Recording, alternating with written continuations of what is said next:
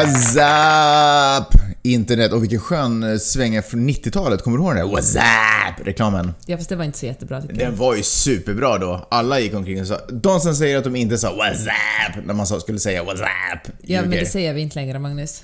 Nej, vi säger inte det. Nej, du har helt rätt. Anyways, hjärtligt välkomna till podcasten som heter Magnus och Peppes podcast. I vanliga fall så brukar vi sända från Santa Monica, det soliga, underbara Santa Monica i Los Angeles, California, United States. Idag så sänder vi från Östermalm i Stockholm.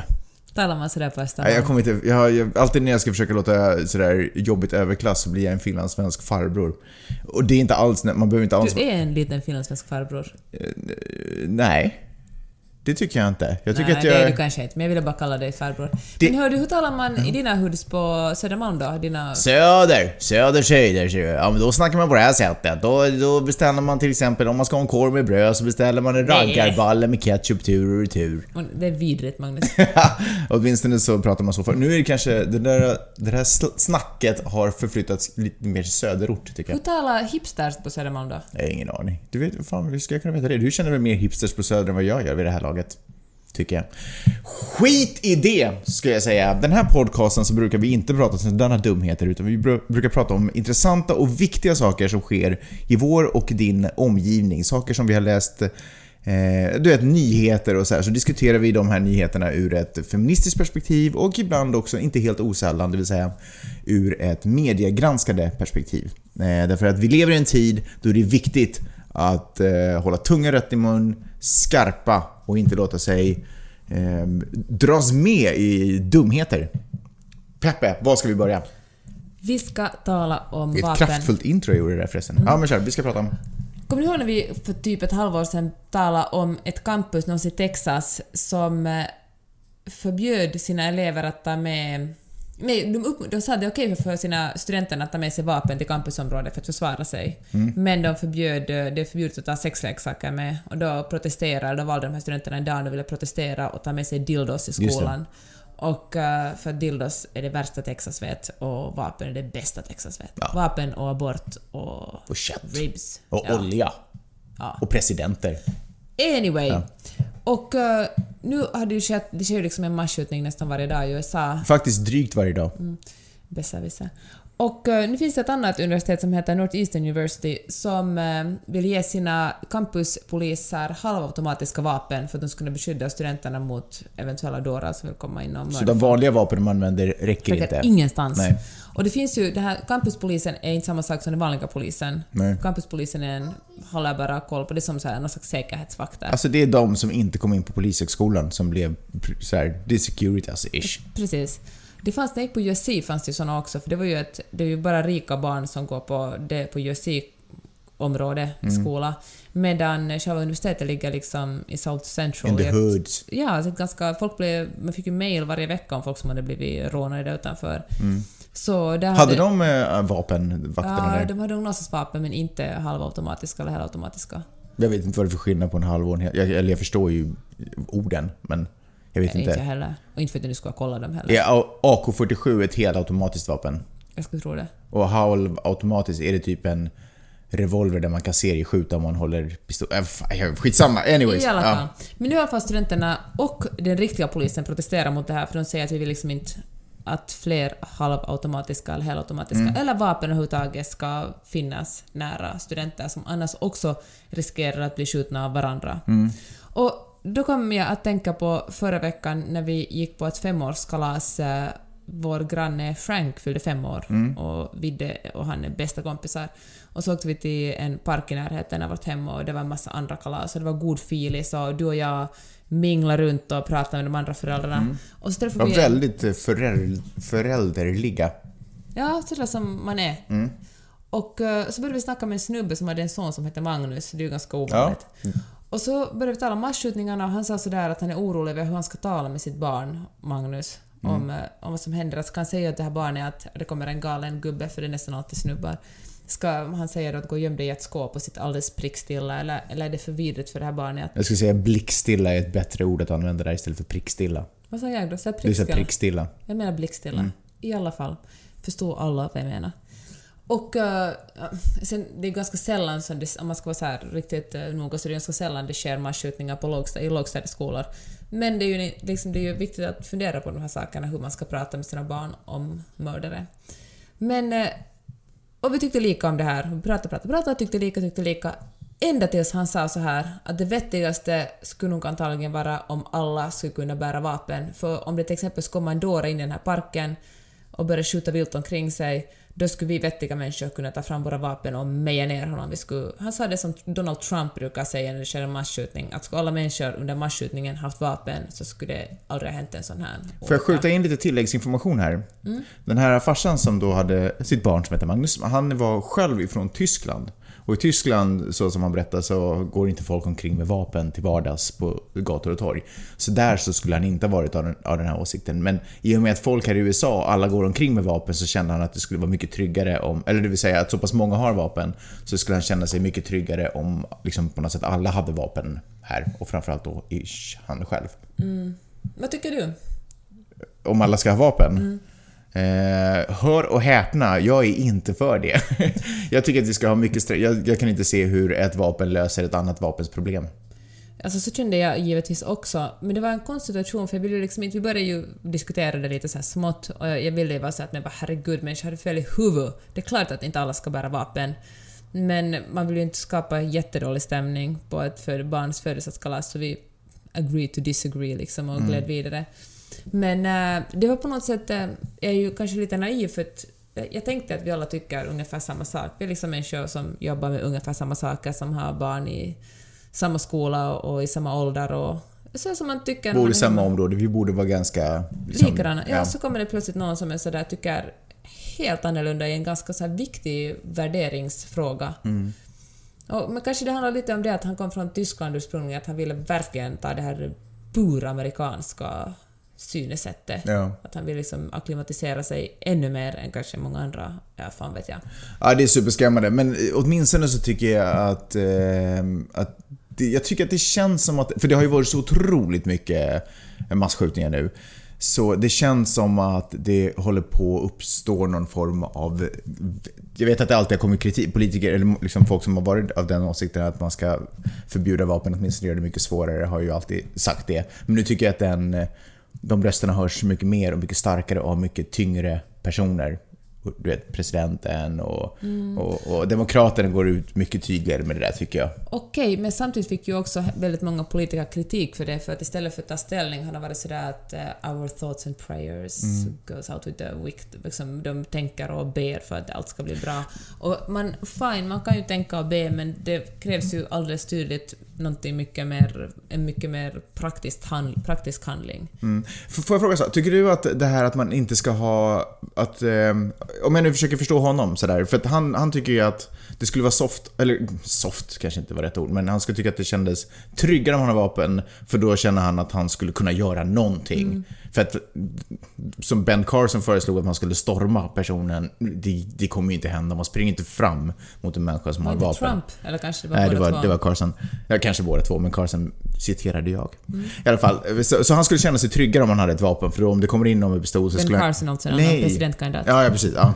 Men den här tysken pratar jag nu alltså. Mm. Att han skulle känna sig tryggare med vapen därför att om det kommer in någon, om man märker att det är någon snubbe springer ut med vapen skulle han kunna gömma sig och dra sin egen pistol och du vet, kanske i bästa fall vänta på rätt tillfälle.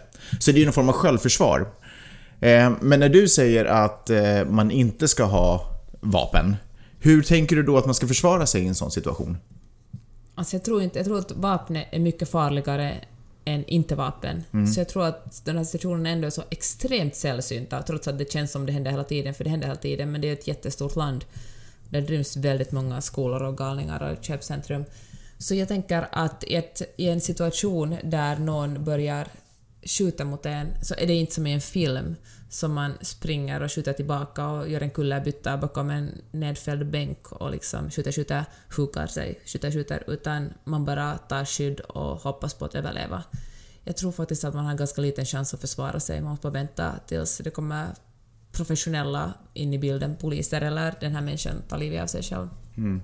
Jag, trodde, jag tänkte att du skulle säga att om man gör det svårare att köpa vapen så kommer folk som vill ha vapen till masskjutningar inte få tag på dem heller i samma utsträckning. Ja, det var så du menade. Jag trodde du menade i själva stationen Ja, när någon men- kommer in och skjuter på en. Ja, nej, nej, i och för sig tänkte jag det också, men nu när du börjar prata så slår det mig att men om man förbjuder vapen så kommer ju folk inte heller kunna i samma utsträckning ha vapen. Men det, för det säger man ju också att ja, men du vet, kriminella kommer alltid att ha, få ta på vapen och det är ju sant. Jag menar nu, jag är ganska säker på att Hells Angels här i Sverige och Bandidos också springer omkring med vapen. Eh, men skillnaden är ju att det är ju inte de Hells Angels som går in i skolor i USA och skjuter upp, utan det är ju de här vanliga människorna, barn som har tagit sina föräldrars vapen, föräldrar som är vanliga arbetare eh, men som känner sig rädda och känner något behov av vapen hemma. Som i första hand då inte ens skulle haft Du ett menar vapen. liksom inga så här kriminella masterminds? Nu säger jag Nej, inte att det är Hells det inte, Angels är utan- kriminella masterminds heller, men jag menar det är liksom inga... Få är liksom lika galen som Breivik, för han var ju verkligen en dåre. Alltså han var ju verkligen en psykopat galen. Men de flesta som eh, utför de här massskjutningarna är ju bandlisar som mår väldigt dåligt. Jag känner att vi inte kommer så mycket längre, men jag skulle ändå vilja säga en sak eh, angående vapen. Eh, och det är... Det, jag tänkte på det när han pratade om hur lätt det, man uppfattar det här att ta... Han tog ett exempel, ja, men vad skulle du känna om någon bara stormade in i din lägenhet? Och då tänkte jag så här, ja men min första instinkt är kanske inte, jag- så jag skulle inte vara glad om någon kom in i lägenheten och beroende på hur den personen beter sig så skulle jag ju säkert också vara rädd. Men jag tror ändå inte hur rädd jag skulle vara att min första impuls skulle vara att jag måste döda den här människan. Utan det tror jag på något sätt skulle vara en konsekvens av att någonting annat händer. Eh, Men hur lätt det är att någon kommer in i lägenheten och om man har vapen i nattdukslådan att man tar den istället för att gå på något sätt undersöka situationen. Att den här, den här skjuta första fråga sen-kulturen är, är så otroligt... Det är fucking vilda västern i det där landet liksom. Den är så otroligt eh, Etablerad. etablerad. Eh, och för att, jag menar, det är ju hemskt få de här människorna som ganska lätt skulle dra ett vapen och skjuta en annan person, som skulle ta en kniv och ha ihjäl. Som ju också nog är ett helt legit sätt att döda någon på om det är det man vill göra. Men, men någonstans så är, man har förenklat hela det här dödandet. Man behöver egentligen nästan aldrig fundera på vad det är man gör, verkar det som. Utan man bara tar och trycker på en knapp och sen så är faran eliminerad. Men man, någonstans har man aldrig stått för dödandet. Ändå? Tror du inte som det för de Jag tror att det är way lättare än att, än att ta en kniv och hugga den i. Ja, men liksom. det tror jag absolut också, för då måste man ju gå så nära, man måste liksom känna blodet sippra ner på Ja, men där känner jag att om man tar, alltså det här låter, jag vet inte riktigt ens vad jag argumenterar för nu, men jag bara tänker att om man tar en kniv och hugger någon, då vill man på riktigt döda. Då, då, då känner jag att det är en situation som jag blir överfallen eller om vidare blir överfallen och jag är rädd för mitt liv och, och jag på något sätt känner att nu är det jag eller någon annan som dör, att då är det kniv jag skulle kunna använda. Men jag skulle mycket, mycket snabbare ha tagit en pistol och riktat den eh, mot en annan person. Nu håller jag helt med om att det är lättare att skjuta någon än att knivhugga någon till döds, men tror du inte ändå det finns någon slags spärr där innan man trycker? Eller är det bara sådär pang, du är död? Jag vet inte, jag hoppas det. Jag tror att, ja, jag, jo, det, det tror jag väl. Men jag har bara märkt hur, hur det här, eller jag har bara en sån här känsla av hur den här pistolen har avdramatiserat dödandet också. Plus att vi på något sätt också har, i alla de här, um, Eh, jag säger inte att det är tv-spel som gör folk galna, men jag tror att det kanske bidrar i och för sig om vi ska vara helt ärliga. Att hur, vi, vi lär oss ju också i ganska ung ålder hur, hur man dödar med pistol. Det är ju hemskt få de här spelen där man springer runt med kniv och ska ha ihjäl folk eller strypa någon till döds. Eller du vet att det är liksom... Vi lär oss ju att använda det här ganska anonyma sättet att bara eliminera fara. Jag tror inte ens det handlar om att döda människor. Det handlar om att eliminera fara eller Eh, få bort någonting som är i min väg. Det är inte ens... Ett, det- är liksom inte ens nästan en hotbild kopplad till det. Eh, den här eh, direkta hotbilden. Men vad tycker du om att det sitter så djupt i den amerikanska kulturen? Att de säger att det är liksom en, en, en kulturell grej, till och med mer än ett sätt att försvara sig. Att det tillhör vår, vår rättighet. Det är liksom en, en grundläggande bricka i vår kultur att få försvara oss.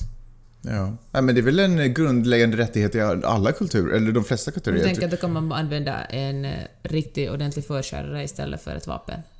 Men det är väl ett vapen? Jag menar eh, istället för ett pistol. Nej men det, det, det har ju blivit en business kring förenklande till den här försvaret. Det har ju blivit mer försvar, man har ju... Det finns ju lagar i Sverige också som tillåter självförsvar får man göra. Men om man är utsatt för någonting så kan man åberopa självförsvar, antar jag. Jag är ingen jurist, men jag, det, det känns som att den lagen finns. Hehehe. Eh, men, men där så har man gjort en business av att förenkla hela den, den delen.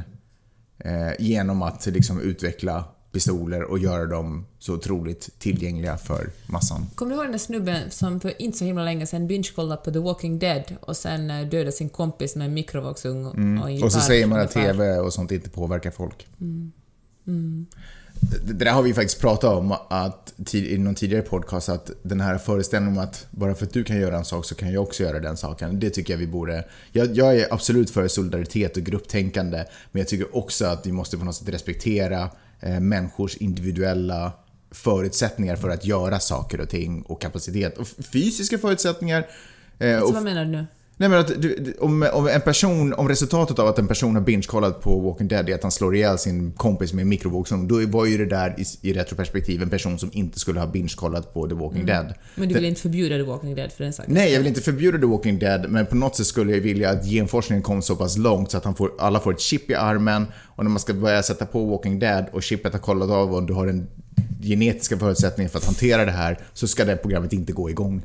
På samma sätt som när man sätter sin bil så ska den bara inte... Alltså, jag- förstår du? Alltså, för, Fast bilproblematiken kommer vi ju inte att ha om så hemskt många år.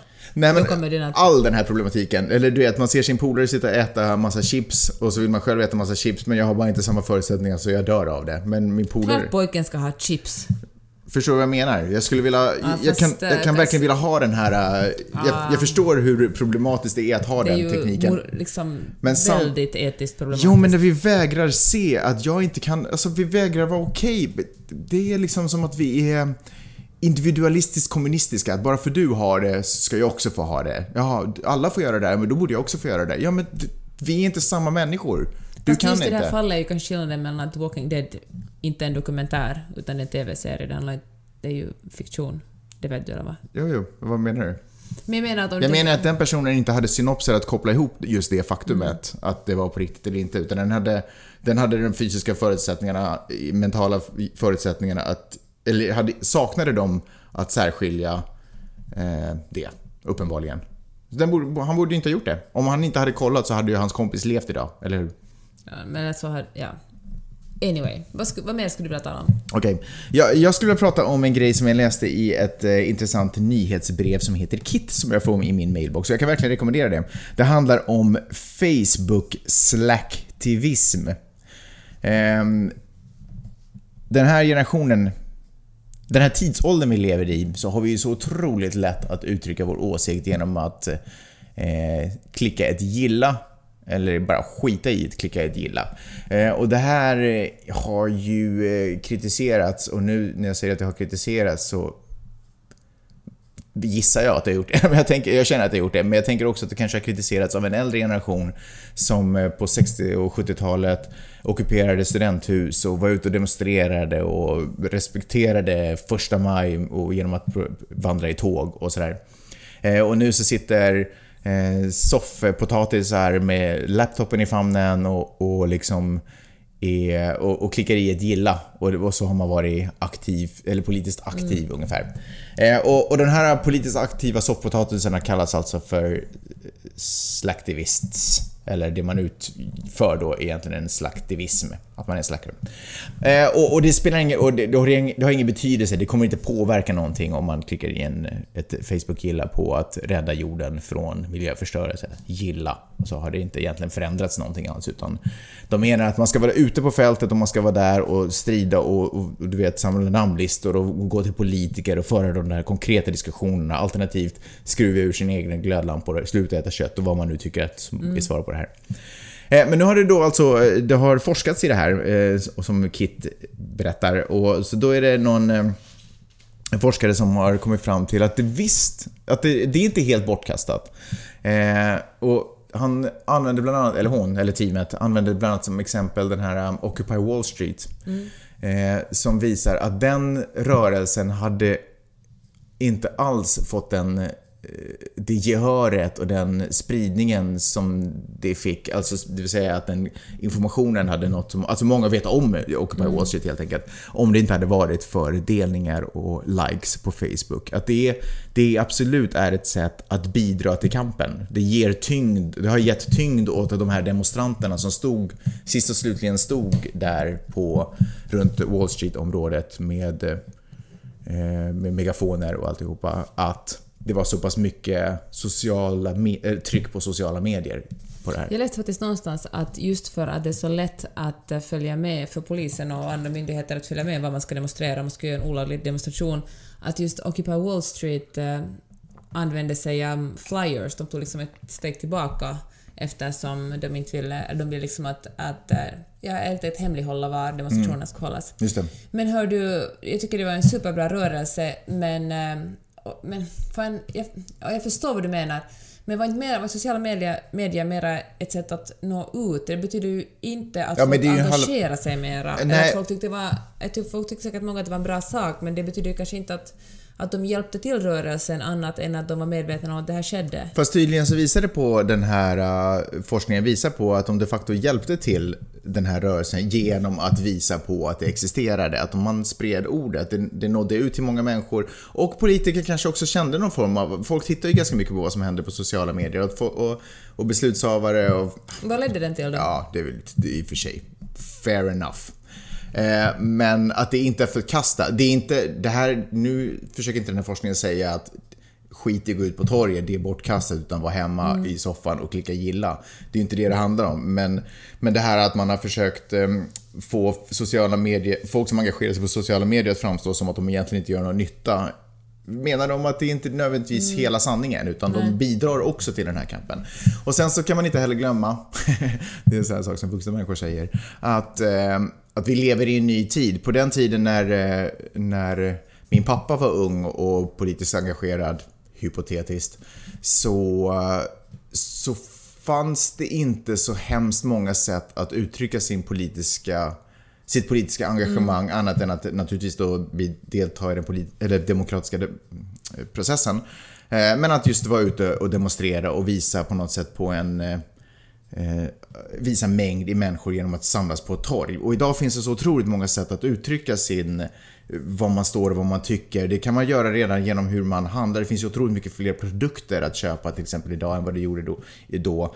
Produkter som är mer nischade efter olika antingen livsstilar eller du vet medvetna val eller något liknande. Så att man, det finns så många olika sätt att visa på det där engagemang vara- och styra världen. Och forma världen. emot sagt. hela tiden, men, men det där, alltså det hur man konsumerar handlar ganska mycket om identitetsbyggande och profilering också. Mm. Det handlar det är liksom man kommer... att man blandar ihop kanske lätt två saker. Att man eh, bygger en identitet. Kolla, jag använder bara Apple-produkter. vad det- Fast de hänger, ju, de hänger ihop, för allt vårt beteende formar ju framtiden och det är ju i formandet av framtiden som vi också väljer om vi ska ha kärnkraft eller om vi ska ha Mm. försurnade Östersjöar eller om vi ska ha korallrev. Det, det är ju genom våra val som vi gör det. Mm. Det finns ju, det finns ju folk, man kan ju faktiskt också nog argumentera för att om tycker- politiker bestämt sig spelar det någon roll att det står 500 pers på ett torg och skriker. Nej, men jag menade att det är en jävligt mycket större skillnad ändå om det står 500 eller 5000 eller 500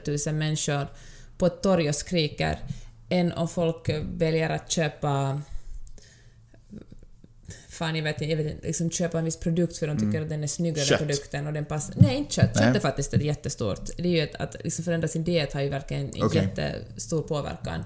Men att, att konsumtion är ju ändå konsumtion liksom. Mm. Och att profilera sig som en person som eh, använder eh, freaking snygg macchia-kläder eller liksom, som är jättesnyggt finskt eh, klädmärke eller någonting, så kanske det är ju ändå en ganska, på ett annat sätt en egoistisk handling och ett profilbyggande än att verkligen ge sig ut i snålblåsten i Helsingfors och stå och skrika utanför riksdagshuset. jag, Mm. Fast jag du- menar, det, är- och det ena utesluter verkligen inte det andra. Jag tycker absolut man Fast du kan vara snackar många ju saker lite skit samtidigt. eh, nu. Det fast ska jag jag aldrig göra, Magnus. För det första så är ju klädmärket ju inte, eh, är ju inte del av en politisk process. Det är ju inte, Nej, det det är ju det inte jag genom att menar. köpa de kläderna som man väljer hur man vill att vilken framtiden ska se ut. konsumtion? Du sa konsumtion. Ja men vilken det handlar till du? exempel om att, jag väl, att man väljer att köpa ett ekologiskt vin framför ett annat vin eller att man köper ehm, Men på Fair sociala, så lägger man ut det trade-bananer på eller- sociala medier. Kolla vilka bananer jag köpte. Nej, nej, nej, nej. Nu, pratar, nu har jag lämnat lite sociala medier-grejen. Det här var vidare. Jag bara Aha, menar att nu för okej. tiden finns det så många olika sätt att visa sitt engagemang. Och även fast det är... Men okej, om du inte om, om du köper dem, om du är ensam i affären, hur vet, vem vet då ditt politiska Nej men det, det engagemang? faktum att jag köper sk- skickar ju signaler. Då går det ju bättre för de här företagen som ägnar sig åt fair trade eller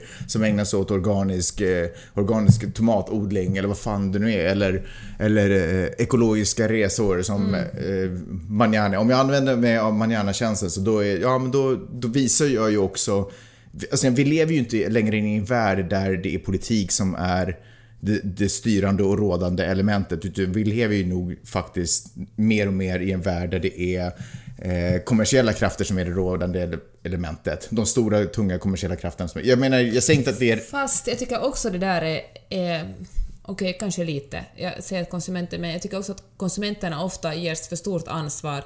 Jag tycker inte Va? att... Det är ju vi som sitter på det ultimata ansvaret. Nej, alltså jag tycker också att politiker skulle säga det finns "Hej, ju inget egentligen väljer-" konsumenter. Nej, det finns ju politiker som kan Nej, men säga... politiker är "Lyssna ju för det nu." första också konsumenter. Jo, men de, de, politiker stiftar ju lagar och då kan ju säga så här, hej, från och med nu förbjuder vi, vi stiftar en lag som förbjuder er att borra olja där uppe. politiker eller är ju vi förbjuder er att, att sälja eller att utarma det här. Vi förbjuder, i Brasilien ska vi dra ner på utarmande av, av regnbågs, regnbågsskogen, gayskogen alltså. Nej men alltså, du, fan? Regnskogen. Nej, vad heter de?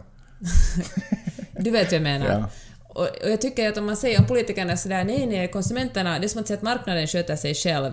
Vad fan är det för myt? Alltså, jag marknaden- ser också att, jag ser också, såklart har man som individ och som konsument ett ansvar att välja sina varor, men jag tycker, jag tycker att det att det, man låter man politiker och folkvalda komma undan för lätt om man säger att, att, de, att deras ansvar inte har betydelse. Det är klart att de ska förbjuda företag för att utnyttja barnarbetskraft. Fast de är ju inte, det är ju inte ett, politiker är ju inte ett folk som lever i någon form av parallelluniversum. Det är ju förlängningen av mina åsikter som är politiker. Eller ja, hur? därför ska du demonstrera så och det- rösta. ja, ja, men exakt. Så det betyder ju att mitt beteende är ju också det som skapar och formar politiker. Det om ju du röstar och demonstrerar. Ja, givet- nej, om jag röstar framförallt. Om du, om du är sådär, äh, jag köper... äh, Nu, Paavo Arhimäki, har du sett att jag har köpt äh, ekologiska bananer?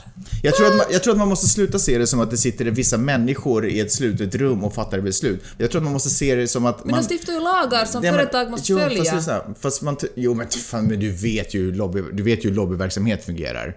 Du vet ju inte, du vet ju att om, om, om, om Då det, ska man inte rösta in politiker som blir korrumperade. Mm, det, nej men det är helt sant, det har du helt rätt i. Här är ju den demokratiska processen helt idiotviktig. Så fort man släpper intresset för demokrati så har man ju också släppt intresse för hur hur landet och världen ska formas, helt klart. Men jag vill ju också påstå att om man respekterar den demokratiska processen och röstar så kommer den röstningen vara en förlängning av det beteendet man själv har. Och om jag har ett beteende där jag tenderar att välja vissa saker framför en annan sak så kommer de politiker som representerar mig också att göra det. Och då kommer vi kunna styra undan kommersiella krafter på ett helt annat sätt. Nu, Men, men, men, alltså, återigen, ja. får jag bara Men backa, menar- jag får jag bara menar- backa men- bandet? Jo, men då säger jag så- först. Nej, nej, nej, nej, jag säger för först. du har Jag kolla. superlänge. Får jag säga nu? Eh, det. Magnus. Säg det. Jag har inte pratat superlänge. Vad fan snackar Du okej. talar ju jättemycket just. Får jag säga det här bara? Ja, kör då. Säg. Att, att sätta allt ansvar på konsumenten och säga att om alla bara konsumerar rätt, då löser sig det här. Men chill, varför klart- låter du så arg för? Ta det lugnt. Nej, jag är inte arg. Vad är det för härskarteknik? Lugna ner dig nu, flicka lilla. Ja, okej, men berätta nu bara. Lugna Kom igen. Berätta. Ja, jag menar bara att vi måste sätta krav på de politiker och de som, lagstiftarna som säger att det här kan vi inte acceptera.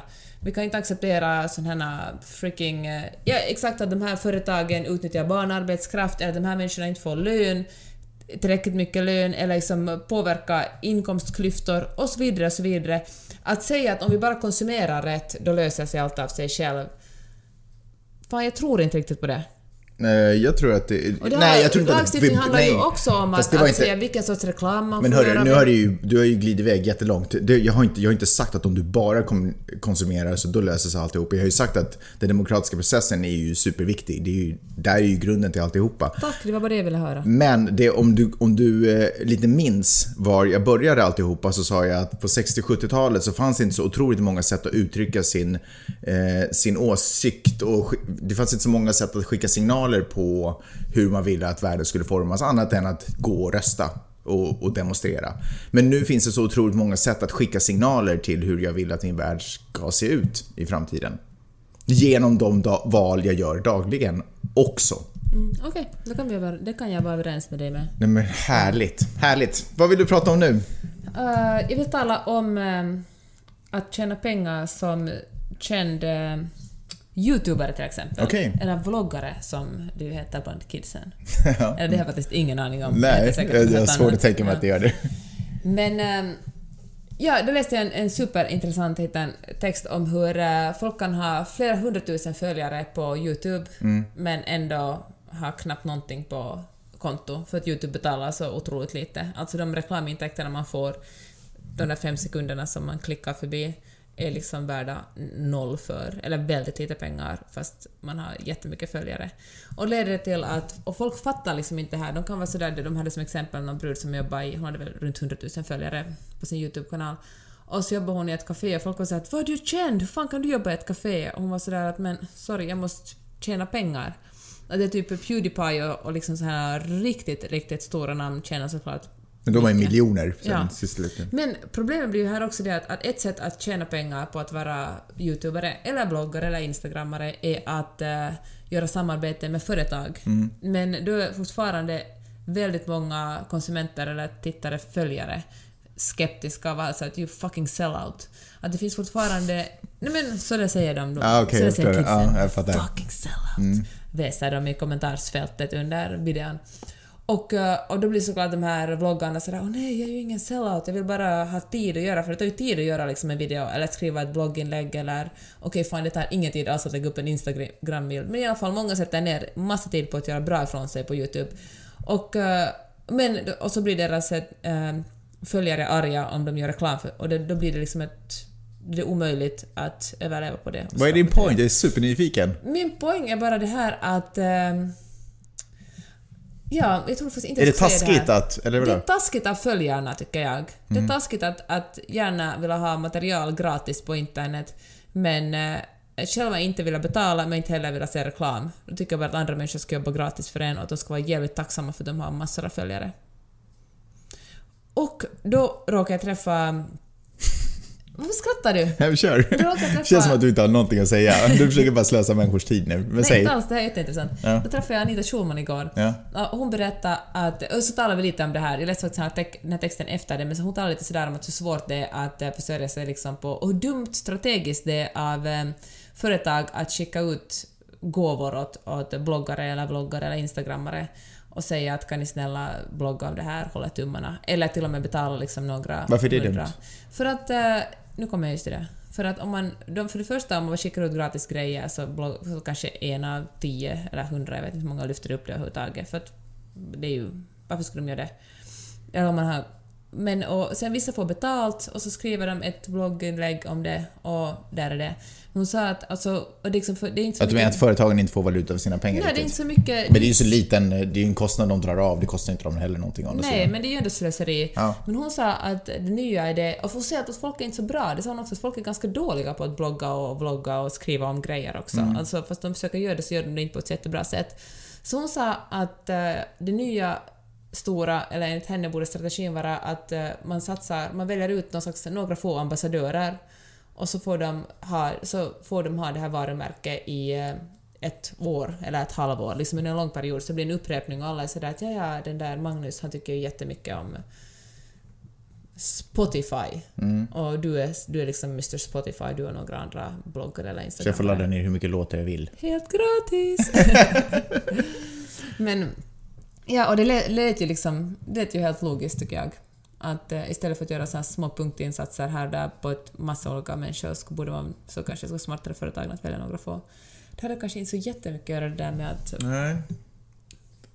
Är du färdig nu? mm, Ganska färdig. Jag skulle vilja komma med en annan spaning. Jag byter ämne. Tyckte det var dåligt? Nej, men det, jag vet inte riktigt vad jag ska säga. Men du har ju rätt. Du, tack för infot. En, annan- jag har en liten spaning. Eh, som handlar om, jag är väldigt fascinerad av det här individualistiska samhället som vi lever i. Hur vi verkligen har tappat känslan för våra medmänniskor. I och för sig, jag kan lite uppfatta att det finns en yngre generation som håller på att ta tillbaka. Men just nu så lever vi i ett limbo Men just, där... just sa du ju att folk engagerar sig politiskt på sociala medier och det är superbra. Jo, jag vet, men som du också sa, och jag tror att de här hänger ihop, att man gör det, men det är också lite ett sätt att profilera sig själv, att det är på något sätt lite utgångspunkten. Förstår du vad jag menar? Att jag glider inte in i en, i en kås som inte, jag, som inte ser bra ut för mig. tenderar. Det har vi pratat om i en annan, det var en annan undersökning eller forskning som hade gjorts på det ämnet.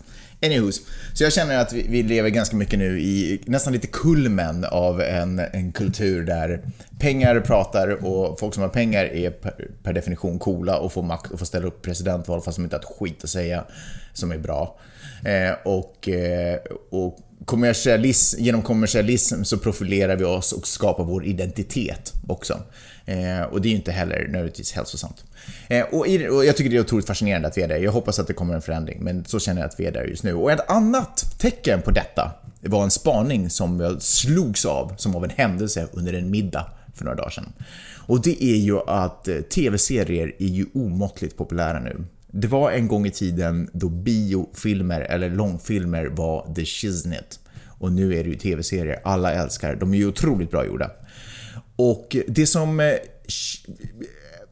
mm, skiljer en film från en TV-serie, en av de sakerna, är ju eh, karaktärerna ganska långt. Eh, därför att under en TV-serie så får vi under en mycket längre period lära känna karaktärerna. Vi får, de, de har möjlighet att förändras och utvecklas eh, fram och tillbaka hur, egentligen hur många gånger som helst. Vi får en helt annan relation till dem än vad vi får i en film. Som jag ungefär lite hårt skulle säga handlar mer om eh, beskrivelse av en historia och ett händelseförlopp. Det är kanske ett budskap man på något sätt försöker paketera ihop och återberätta enligt dramatikens alla regler.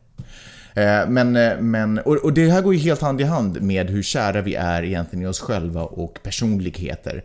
Att vi är mer idag intresserade av en karaktär i en TV-series utveckling och liv och kamp och sådär än vad vi är av en djupare moralisk fråga eller någonting som ska diskuteras som kanske tas upp mer i en film. Vad säger du till det? Mm, ja, jag tänker så här... Visar du ett hämndointresse för mig nu eller? Nej, jag tycker inte... Alltså, jag tycker faktiskt att det är helt okej spaning, men jag tycker också inte att det är en genialisk spaning som du sålde in den som. Ja. Jag tror att det handlar om eh, att, att TV-serier är så populära just nu. handlar om, för det första finns det teknik.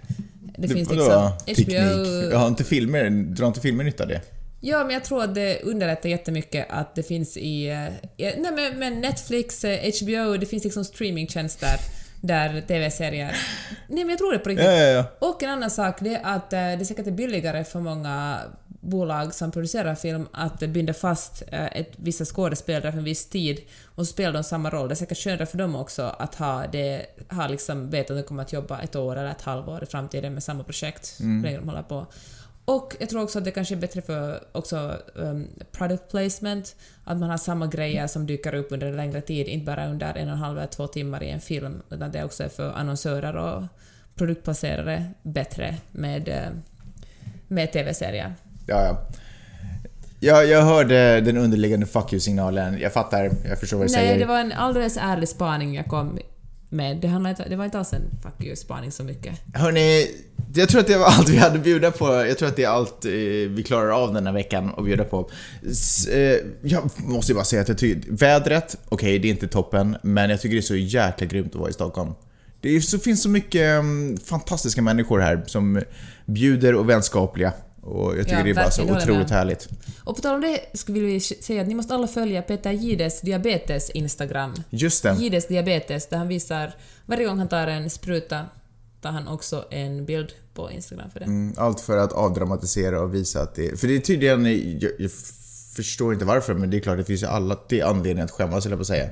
Men det är jättemånga som, eh, framförallt yngre, som skäms för att de har diabetes. Så det är säkert awkward hela tiden, måste ta sprutor och grejer. Så han gör den här grejen dagligen. Varje gång... glad han måste bli när vi... Ja, han, han behöver... Jag känner verkligen att um, han behöver vårt stöd. Han får... Jag vet inte, hans... Det här är alltså på Instagram, jag vet inte om du sa det, men hans Instagram-följare ökar med typ 1000 i var 20 minut känns det som. Skitsamma, jag tycker att det är en bra kås det är värt att säga. Andra saker ni ska göra är naturligtvis lyssna på bra snack. Och just det förresten, vi var ju med i, eh, vi var ju gäster i podden Bra Snack. Så roligt! Ja, alltså fantastiskt. Med Nille och eh, Anna. Anna Salin. Salin, just det, herregud vad dum jag är, förlåt. Eh, så det kan du lyssna på. Jag tror att det avsnittet vi är med i kommer ut precis innan nyårsafton. Så ja. om ni inte lyssnar på det då så kan ni ladda ner det efter. Och uh, Kristoffer Triumf också med. Mm, i- Vi i- är i- faktiskt fem stycken i den Ja, podden. f- så jäkla roligt. Tack för att du var med. Får jag bara slänga in en annan grej som gör att det är helt sjukt att vara här. I, på torsdag så ska jag till Sveriges Radio och vara med där och bli intervjuad. Jag vet inte riktigt vad jag ska bli intervjuad om, men Och igår fick du gäst av Nyhetsmorgon som eh, bakom kulisserna gäst. bada bing, bada boom. Lever medielivet Living the här. dream i Stockholm. Alltså det är, så, det är så sjukt. Det är så himla roligt. Kanske det är därför det är så himla roligt att vara här. Vilket fall som helst så, och när jag då har sagt det. Det här är då er läxa till nästa vecka. Eh, dels gå in och klicka på prenumerera-knappen på vår podcast så att ni garanterat får avsnittet i er ficka om en vecka. Sen så ska ni naturligtvis också, om ni inte redan gör det, prenumerera på Bra Snack. Eh, och så ska ni prenumerera på Blanken Svanberg, ni ska prenumerera på Lille Lördag och ni ska eh, prenumerera på, men det behöver jag knappast säga för det gör ju redan hela Sverige på Värvet förstås. Mellan raderna-podden då. Åh herregud, varför glömmer jag alltid er? Ni är ju den bästa bokpodden i hela Skandinavien, så det är klart att man ska gå in och lyssna på eh, Mellan raderna med Jeanette Öhman och Karin Gide. Vad, vad ska ni snacka om i Mellan raderna förresten? Vi ska tala om Nordkorea. Nordkorea? Och Borgo. Varför bråkar aldrig ni så som vi? Varför har vi börjat bråka för mycket? Vi tycker ju om varandra. Jag tycker inte bråk. Jag menar, det är bara skönt med podcaster som inte tycker exakt samma sak hela tiden. Mm, Så det här, är en, bra. det här är en image, det här är en profilering. Nej, men jag, jag tycker ärligt jag tyckte inte den där individualist-TV... Ja, okej, vilket fall som helst. Superkul att ni lyssnade den här veckan och vi kommer att höras nästa vecka och då sänder vi från Helsingfors. Bara cruising around the world hela tiden. Men eh, häng med oss, vi hörs, ha det bra, hej hej! Hej då!